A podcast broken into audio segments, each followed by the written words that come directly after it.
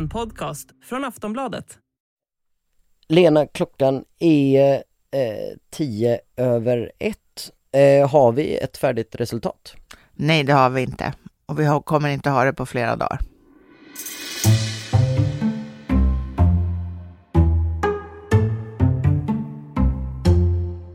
Efter fyra år och två dagar så var det dags igen.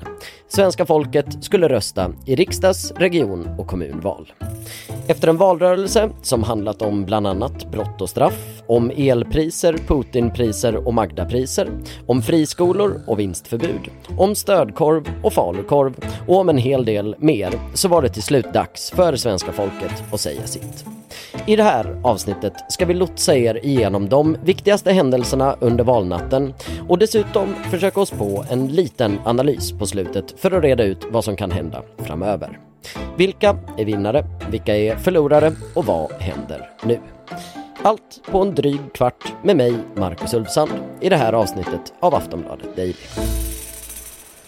Riksdagen 23, 56, Västerås, Skövde, Göteborg.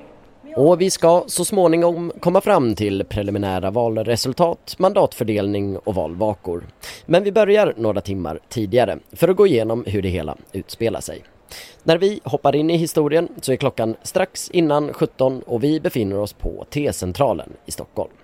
Här ligger en vallokal där folk kan förtidsrösta, även under valdagen. Och kön, den ringlar lång.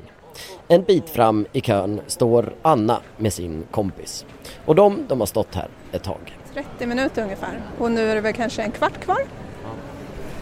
Hur känns det att det tar sån tid att komma fram till valbåset? Det är ju väldigt synd kan jag tycka. Jag är lite rädd för att det är andra som väljer att inte rösta. Alltså som inte tycker att det är värt att stå och vänta tiden ut. Har du sett det här omkring att det känns som att folk vänder i kön? Absolut, det har det varit. Och folk som frågar eh, liksom hur länge man har stått och verkar eh, skippa och ställa sig. Men du står kvar, varför gör du det? För att jag tycker att det är viktigt att rösta och det eh, tillhör demokratin, den ska vi vara rädda om och värna om.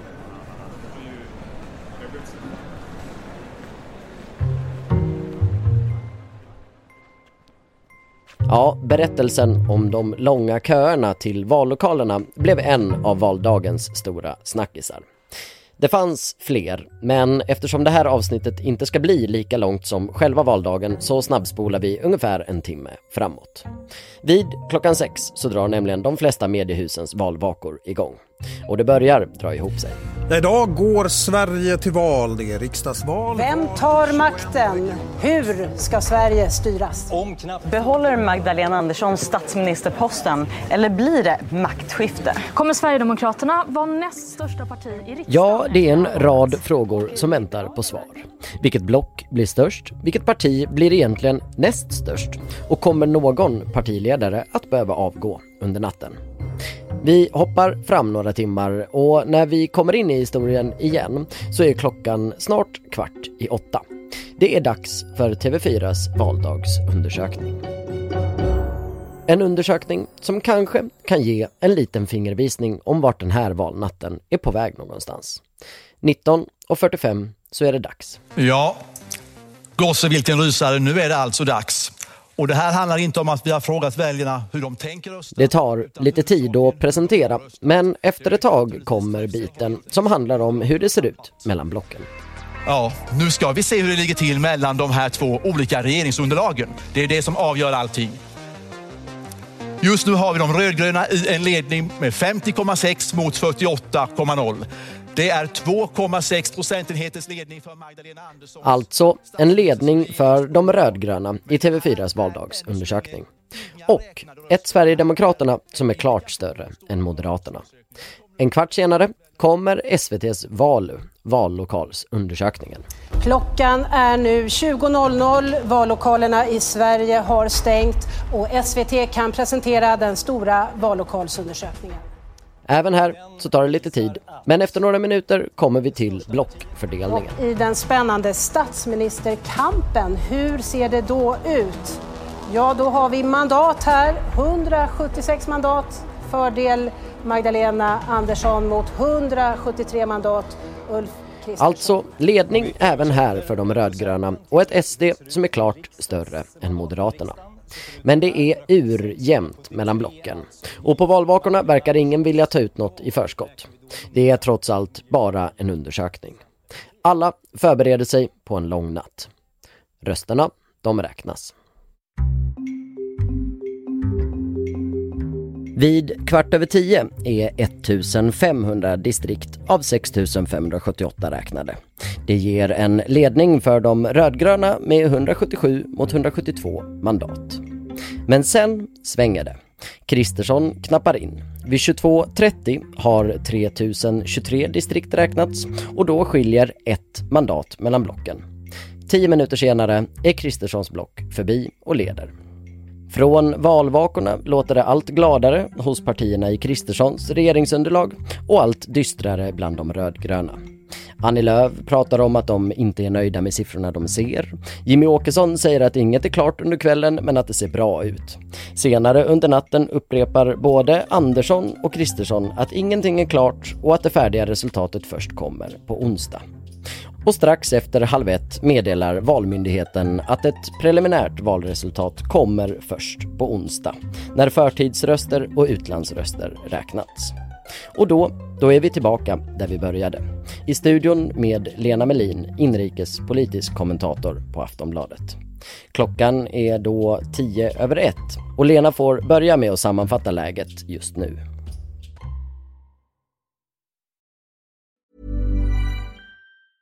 A lot can happen in three years, like a chatbot may be your new best friend. But what won't change? Needing health insurance. United Healthcare Tri Term Medical Plans, underwritten by Golden Rule Insurance Company, offer flexible, budget friendly coverage that lasts nearly three years in some states. Learn more at uh1.com.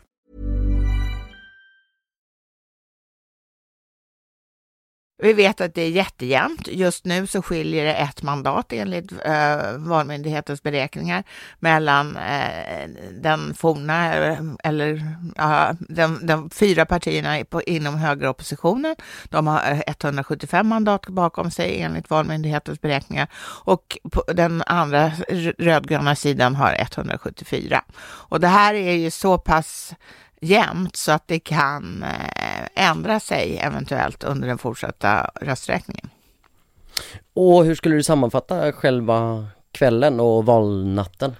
Det var ju, den har ju varit oerhört dramatisk. Eh, först kom det den här valen då från uh, Sveriges Television och en liknande undersökning från TV4 som gav ett, en helt annan bild av läget, nämligen att den svaga övervikten skulle ligga på den rödgröna sidan. Och, um, och de sa ju också att eh, skillnaden mellan Sverigedemokraterna och Moderaterna eh, skulle vara eh, större än den ser ut att bli. Sverigedemokraterna går alltså om Moderaterna och blir Sveriges näst största parti, men men deras övertag ser inte ut att bli lika stort som de här första prognoserna visade på. Om du får plocka ut någonting, vad är mest förvånande med det resultatet som vi åtminstone just nu här har framför oss? Ja, man brukar ju säga att det, att det är normalt med regeringsskiften efter två mandatperioder, att det eh, är så i svensk politisk historia. Det är inte riktigt sant, därför att förra gången som Socialdemokraterna satt vid makten mellan 94 och 2006 så satt de tre mandatperioder och nu ser det ut att bara bli två. Um, eller bara och bara, det är väl inte så bara. Men uh, så det är ju inte det är ju lite förvånande, eller, eh, eller också tycker man inte alls att det är förvånande, man tycker att det är helt normalt. Men jag, för mig är den riktigt stora grejen att Sverigedemokraterna blir Sveriges näst största parti. Om det skulle vara så att de här fyra högerpartierna trots allt hamnar i opposition, då är ju Jimmy Åkesson och inte Ulf Kristersson oppositionsledare. Så att jag tycker att det är egentligen den förmodligen största förändringen som har, kommer ha implikationer på framtiden. Sen kommer vi ju om, om, de, om det här styrkeförhållandet står sig, det vill säga att de, det blå laget har ett visst övertag över det rödgröna, så kommer vi få ett regeringsskifte också. Och, eh, men eh, det kanske inte har de här historiska eh, implikationerna som Sverigedemokraternas växt till Sveriges näst största parti har. Vi brukar ju ofta prata om vinnare och förlorare. Vilka ser du som stora vinnarna respektive förlorarna med det resultatet som vi ser framför oss nu? Ja, alltså, eh, Ulf Kristersson har ju åkt på en dubbel eh, förlust kan man säga. Hans eget parti tappar stöd och eh, han har förlorat positionen, eller Moderaterna har förlorat positionen som Sveriges näst största parti. Men trots allt, om han får bilda regering, då måste man ju betrakta honom som en vinnare, för det är ändå det politik på nationell nivå handlar om, att kunna förverkliga sina eh, idéer i regeringsställning. En annan som eh, ju är en vinnare är ju absolut Jimmy Åkesson som eh, stödet för Sverigedemokraterna ligger nu eh, över 20 procent så vitt man kan bedöma. Det betyder att var femte svensk röstar på Sverigedemokraterna. Det är alltså ganska rejäl råg i ryggen på, på Jimmy Åkesson och han kommer ju att ställa ganska hårda krav tror jag för att um, stödja eh, en Kristersson-regering. Det återstår att se. Det tror jag vi kommer att se redan idag kanske prov på och allra senast imorgon. Och om vi vänder oss till andra sidan, vilka som är valets stora förlorare då? Ja, det måste man ju, trots att, Sverige, eh, att, förlåt mig, trots att Socialdemokraterna eh, får ett eh, något ökat stöd så måste man nog ändå säga att de är förlorare. De, eh, det, är, det näst sämsta valresultatet för Socialdemokraterna sedan Sverige blev en, en demokrati och de tappar regeringsmakten. Andra förlorare är ju framförallt Centerpartiet som tappar närmare två procentenheter och det är ju alltså var fjärde av väljare och det är ju ett väldigt dåligt resultat för dem.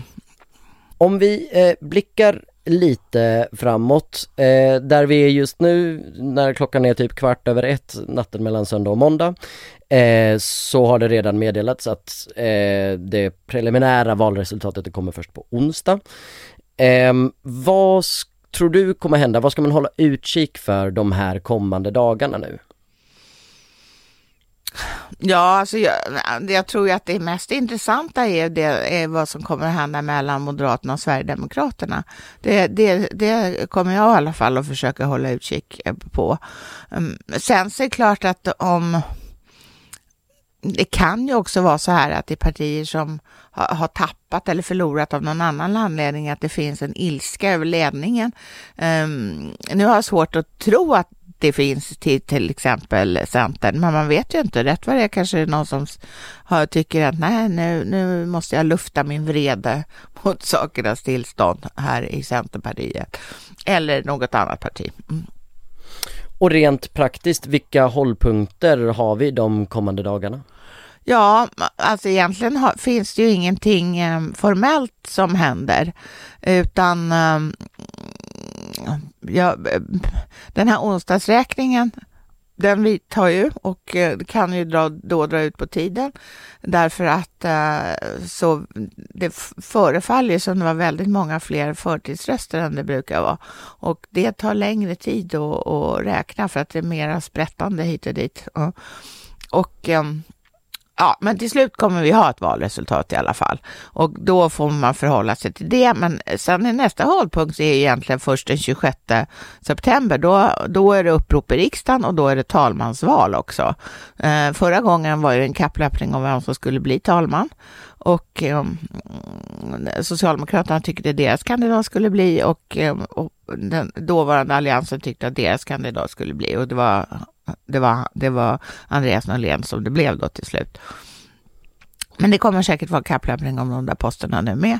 Sen dagen därpå är det ju riksdagens öppnande. Uh, och och uh, ytterligare dag, en dag senare så är det partiledardebatt. Och då ska man, är det meningen att partierna ska debattera valresultatet och liksom det politiska läget.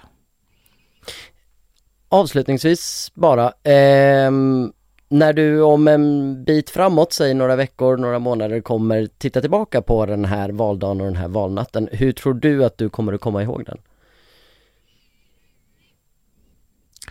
Alltså, jag, vet, jag måste säga att jag tror, jag har inte varit med om alla, själv, alltså att jag har jobbat en valnatt när man inte har vetat hur det har slutat. Och det känns ju väldigt konstigt faktiskt. Uh, så att jag, jag, tror att jag kommer tänka på, tillbaka på det, att det slutar liksom ett stort frågetecken.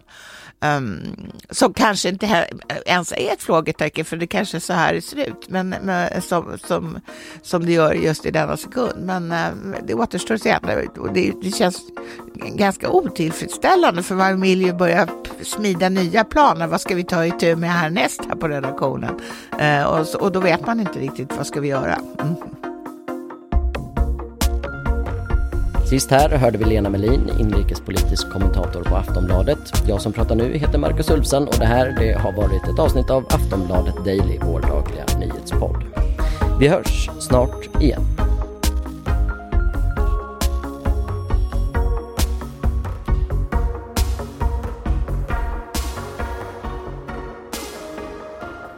Du har lyssnat på en podcast från Aftonbladet.